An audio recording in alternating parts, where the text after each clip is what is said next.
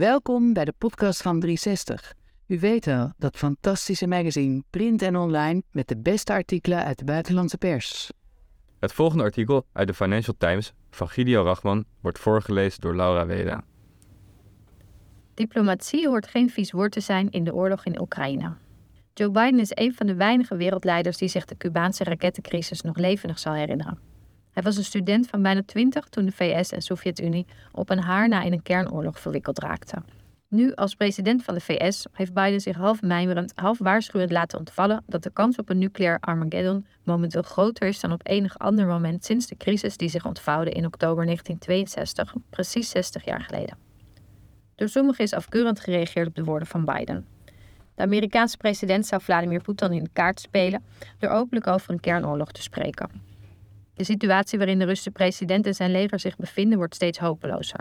Westerse inlichtingendiensten geloven dat de Russen door een ammunitie heen raken en dat Poetin daar nog maar net achter is gekomen. Door te dreigen met het gebruik van kernwapens haalt Poetin een van zijn laatste instrumenten van stal om Oekraïne en zijn westerse bondgenoten zoveel schrik aan te jagen dat ze concessies zullen doen.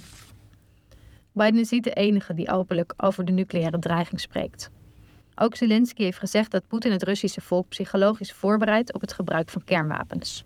De Oekraïnse leider noemde dit zeer gevaarlijk.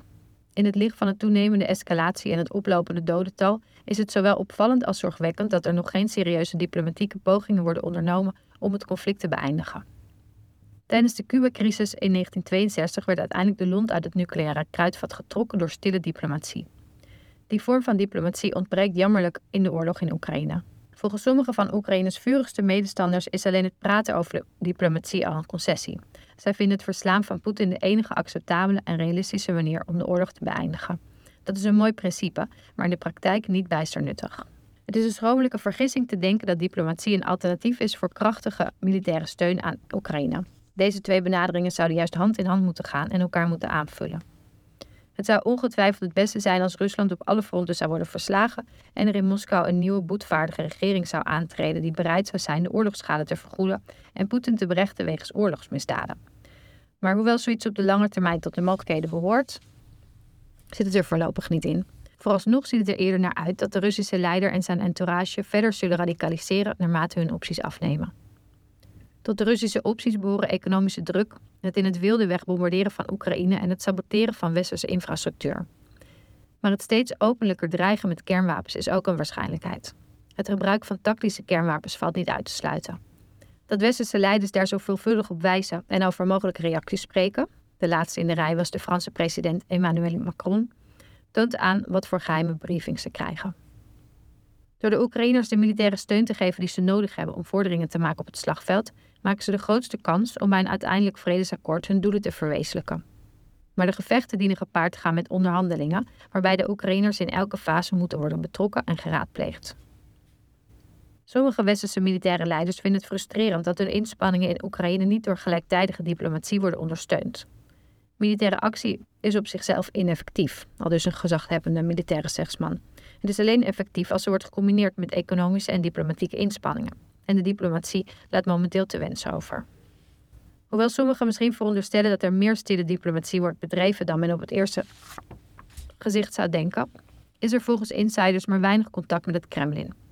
Verondersteld wordt dat belangrijke leden van het team van Biden met de tegenhangers in Moskou hebben gesproken. Maar de resultaten zouden teleurstellen omdat de Russische kant alleen zaken wil bespreken die door het Kremlin zijn goedgekeurd. Diplomatie door derden zou misschien meer resultaat opleveren. Als voorbeeld zou het akkoord kunnen dienen dat het mogelijk maakte dat Oekraïnse graanhavens in de Zwarte Zee verliet, waardoor de wereldwijde voedselcrisis werd verlicht. Turkije speelde een belangrijke rol bij de totstandkoming van die gesprekken. Niet iedereen zal de Turkse president Erdogan als een betrouwbare middelaar beschouwen, maar hij heeft sinds jaar en dag goede contacten in Washington, Brussel en Moskou. Ook India zou een mogelijke bemiddelaar kunnen zijn. Dat de Indiërs geen VN-resoluties hebben gesteund waardoor Rusland werd veroordeeld, is op veel westerse kritiek gestuit. Maar daardoor zouden ze geloofwaardige boodschappers kunnen zijn in de ogen van Moskou. En Subramanyam Jaishankar, de Indiase minister van Buitenlandse Zaken, wordt alom gerespecteerd. Door sommigen in het Westen worden verstrekkende voorwaarden aan een uiteindelijk vredesakkoord verbonden. De Russische troepen moeten zich minstens terugtrekken tot het punt waar ze zich voor de invasie op 24 februari bevonden. De toekomst van Oekraïne als levensvatbare staat moet worden gegarandeerd, met vrije toegang tot de zee, controle over het eigen luchtruim en betrouwbare veiligheidsgaranties die niet afhankelijk zijn van Russische goede trouw. De status van de Krim zal het moeilijkste punt van onderhandeling zijn. Maar diplomatie op hoog niveau is nu juist bedoeld voor het vinden van creatieve oplossingen voor lastige problemen. En momenteel ontbreekt het daaraan. Wilt u meer van dit soort verhalen lezen of beluisteren? Ga dan naar 360magazine.nl.